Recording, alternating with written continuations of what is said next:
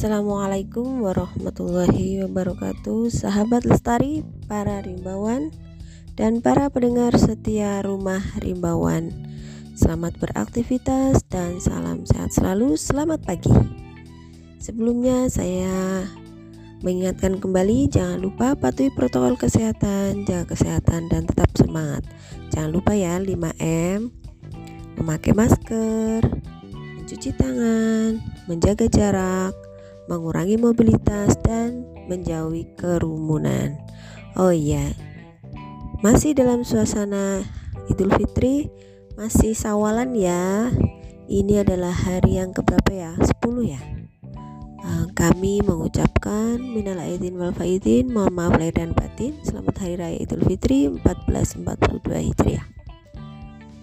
Marilah eh, sahabat lestari, pertama-tama kita senantiasa memanjatkan puji syukur kehadirat Allah taala atas limpahan rahmat dan karunia-Nya sehingga pada kesempatan pagi hari ini kita dapat bersua kembali di rumah Rimbawan. Salawat dan salam kita curahkan kehadirat junjungan Nabi besar Muhammad SAW yang senantiasa kita nantikan syafaatnya di yaumul akhir. Sahabat lestari, para rimbawan, pendengar setia rumah rimbawan, pada kesempatan pagi hari ini saya akan membahas tentang keanekaragaman hayati. Kebetulan pada hari ini merupakan hari keanekaragaman hayati yang diperingati setiap tanggal 22 Mei setiap tahunnya. Biodiversity Day 2021 Eh, dengan tema We are part of the solution for nature atau kami adalah bagian dari solusi for nature. Kembali ke alam. Baik sahabat uh, lestari, sahabat rimbawan, uh, saya akan sedikit bercerita tentang kenapa hari ini 22 Mei itu diperingati Hari Keanekaragaman Hayati. Tujuan peringatan Hari Kehati adalah untuk meningkatkan pemahaman dan kesadaran serta menumbuhkan kecintaan terhadap keanekaragaman hayati atau biodiversitas di bumi. Pada tanggal 22 Mei sebagai keanekaragaman hayati ini disepakati oleh Perserikatan Bangsa-Bangsa atau PBB. Tujuannya untuk meningkatkan pemahaman dan kesadaran terkait dengan isu keanekaragaman hayati. Sebelumnya, selama tujuh tahun sejak ditetapkan pada tahun 1993 Hari Keanekaragaman Hayati diperingati pada tanggal 29 Desember yang dilatar belakangi oleh konferensi PBB mengenai pembangunan dan lingkungan yaitu The Earth Summit di Rio de Janeiro, Brasil. Dalam konferensi tersebut, salah satu kesepakatan penting yang dihasilkan adalah Konvensi Keanekaragaman Hayati atau Convention on Biological Diversity.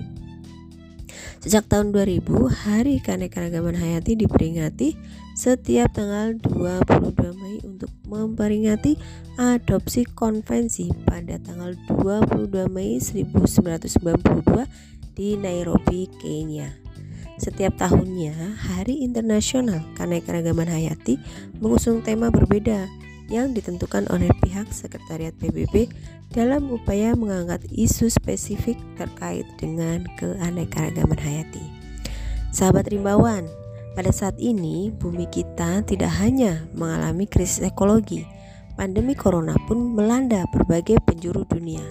Pandemi corona adalah sebuah untuk berhenti melakukan hal yang membeli, melebihi daya dukung bumi.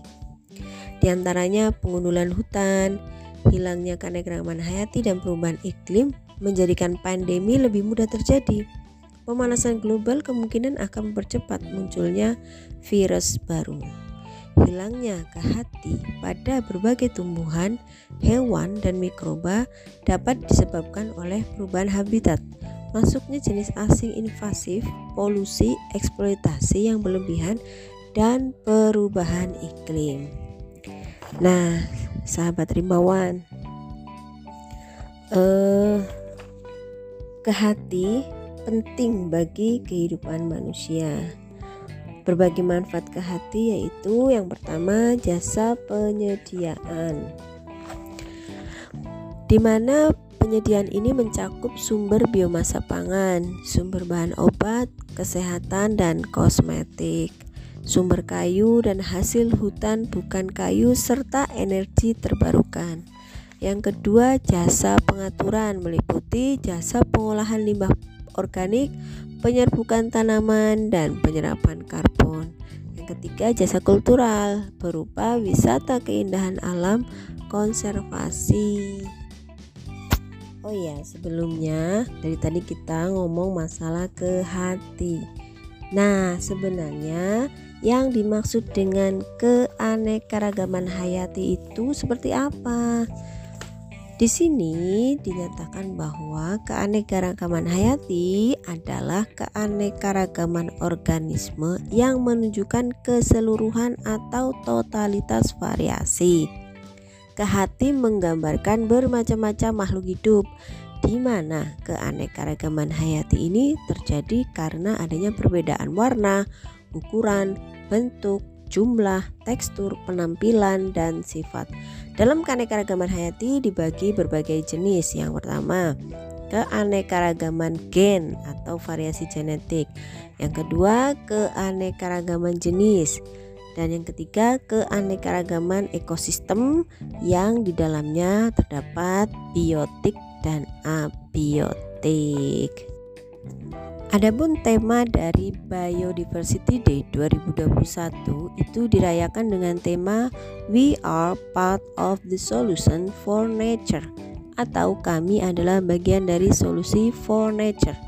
Hal ini diumumkan Sekretariat Konvensi Keanekaragaman Hayati di laman resminya dengan bangga mengumumkan slogan Hari Keanekaragaman Hayati 2021 bahwa kami adalah bagian dari solusi tulisnya.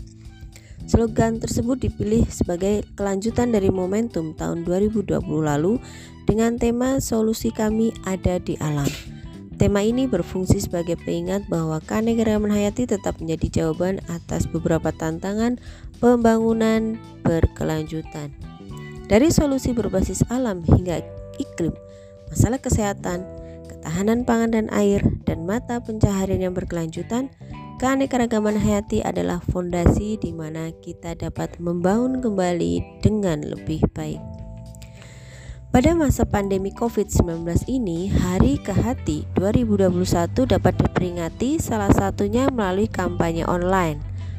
Melalui kampanye Biodiversity Day ini, masyarakat dapat memahami dan menyadari hal-hal tentang keanekaragaman hayati. Kampanye online bisa di media cetak, bisa di media elektronik, di media digital dan sebagainya. Upaya pelestarian dan penggunaan keanekaragaman hayati secara berkelanjutan penting bagi kesejahteraan masyarakat. Hal ini dapat dimulai dengan mengurangi konsumsi daging, membeli makanan lokal, mengurangi sisa makanan, dan masih banyak lagi. Isu perubahan iklim tak kalah pentingnya mengambil peran dalam keberlanjutan keanekaragaman hayati. Dengan meningkatnya suhu udara, maka habitat seperti yang dikutub berupa batu es akan tergerus udara yang semakin panas dan mencair secara perlahan, sehingga berakibat terjadinya perubahan struktur dan fungsi ekosistem. Jangan lupa, ketika air uh, glacier atau air apa namanya kutub es di sana itu mencair maka meningkatnya permukaan air laut. Oleh karena itu, dengan menghentikan tingkat kehilangan keanekaragaman hayati yang terjadi di dunia, maka secara otomatis menjadikan sebuah investasi untuk kelangsungan hidup dan kesejahteraan setiap manusia. Salah satu langkah Indonesia menyikapi hal tersebut adalah melalui partisipasi aktif dalam perundingan internasional mengenai keanekaragaman hayati. Perundingan tersebut telah diratifikasi Konvensi Keanekaragaman Hayati dalam bentuk Undang-Undang Nomor 5 Tahun 1994 tentang pengesahan Konvensi PBB mengenai keanekaragaman hayati. Tidak terasa sahabat lestari, para rimawan dan pendengar setiap podcast saya, Rumah Rimawan Demikianlah obrolan kita pada pagi hari ini. Terima kasih atas perhatiannya. Saya Endah Kusuma Wardani, mohon maaf atas segala kesalahan dan kehilafan. Selamat beraktivitas, salam lestari dan tetap semangat. Tetap jaga 5M. Memakai masker, mencuci tangan, menjaga jarak, menjauhi kerumunan dan mengurangi mobilitas. Pesan saya bahwa keanekaragaman hayati harus kita jaga mulai dari sekarang demi masa depan yang lebih baik. Assalamualaikum warahmatullahi wabarakatuh. Bye.